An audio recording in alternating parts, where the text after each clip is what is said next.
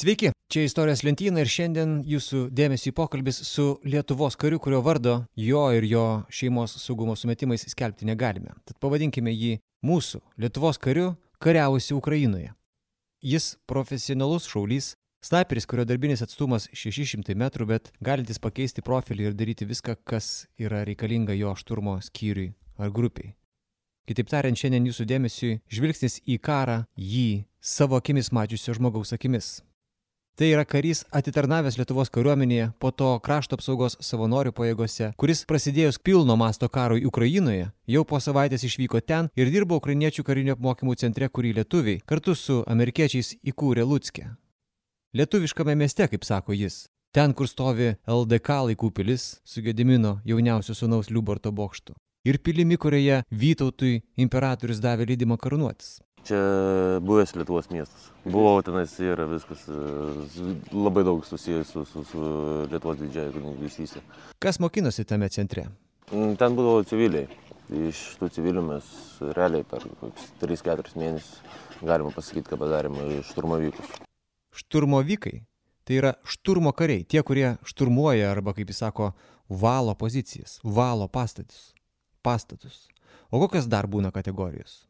Žvalgai atsako karys ir pakartoja Arūno Kumpio mintį apie tai, kad dronai visiškai pakeitė senai žvalgybos supratimą. Yra žvalgyba, bet žvalgyba šiais laikais jau nelabai beveikia, daugiausiai vyksta vis žvalgymas su, su dronais arba kažkokia tokia, nes taip iš žvalgybą išeiti ir beveik nėra šansų, kad grįš, jeigu žvalgyba tik išeis. Bus pastebėjęs, bus sunaikintas. Bet 3-4 mėnesiai pasirašymo centre atsirado vėliau, o karo pradžioje mokymai truko tik 3-4 dienas, taip? Pačioje pradžioje tai buvo. Realiai treniruodom turėdom apie 4 dienas paruoštis. 4 dienas, 4 dieną tai ne jau žiūri visai kiti surinkti. Jau tie išsiųsti į frontą. Ką galima išmokinti per 3 dienas? Svarbiausias įgūdis anot kario yra mokėti kasti. Ką žmogus turi žinoti kare, kad e, jeigu sustoji daugiau negu 30 minučių, tu turi įsikasti. Negali būtent atviros vietovės daugiau negu 30 minučių nes kol suvaikšto žvalgybos informacija, kol e, užsakoma artilerija kažkur tiek. Tai žodžiu, gali šautuvą neturėti, bet kastuvą visą laiką turi. Kastuvas privalomas dalykas yra. Jeigu esi mieste, tai jau yra lengviau. Man, man asmeniškai pats geriausia vieta yra kautis miestas. Dėl to, kad vis laik turi priedangas, gali keisti priedangas, pereini nuo vienos kitos, e, keiti pozicijas, lengviau susirasti pozicijų. O, o priedangos tai yra kas? Rusiai kažkokie? Medis, medis, siena, betono gabalas, laiptai. Už, už ko galiu užsidengti mūšio metu.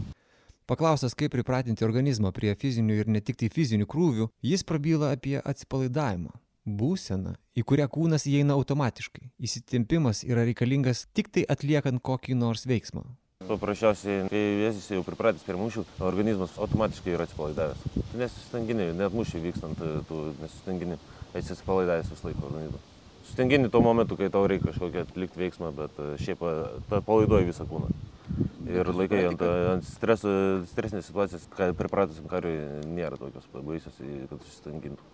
Ir e, ta limenė paprasčiausiai prisitaikai, kad būtų patogiai ir e, nėra problemos.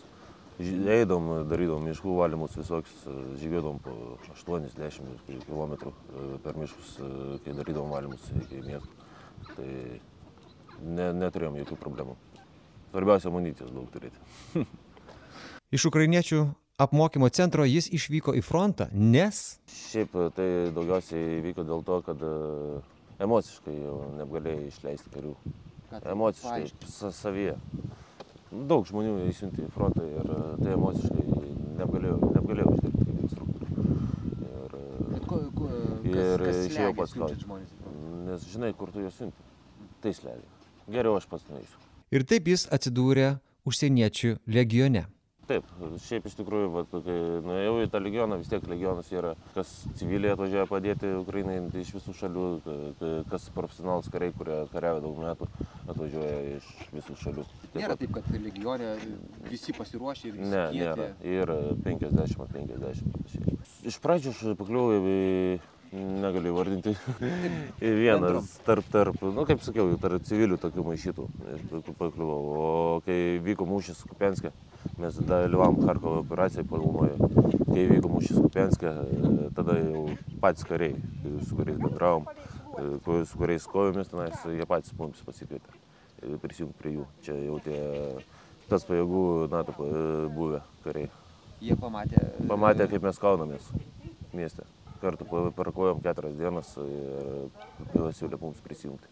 Mano specializacija yra, aš esu taiklus šaulys ir mano pagrindas yra dengti savo, savo skyrių. Mano atstumas daugiausiai dirbau iki 700-800 metrų. Kai reikia, aš pakeičiu ginklą ir einu į pastatų, pastatų valdymą. Kaip atrodė tavo darbo diena? Mūsų rytas yra atsikeli, šypsais, jukies, ant jukų viskas eina. Nors žinom, kad to eisim kautis. Ir ka, ka, kažkas iš mūsų gal bus sužeistas, kažkas gal virs. Paprastai, paprasčiausiai. Tai yra darbas. E, tą darbą mes atliekam gerai. Dėl to mes ir dabar kalbamės.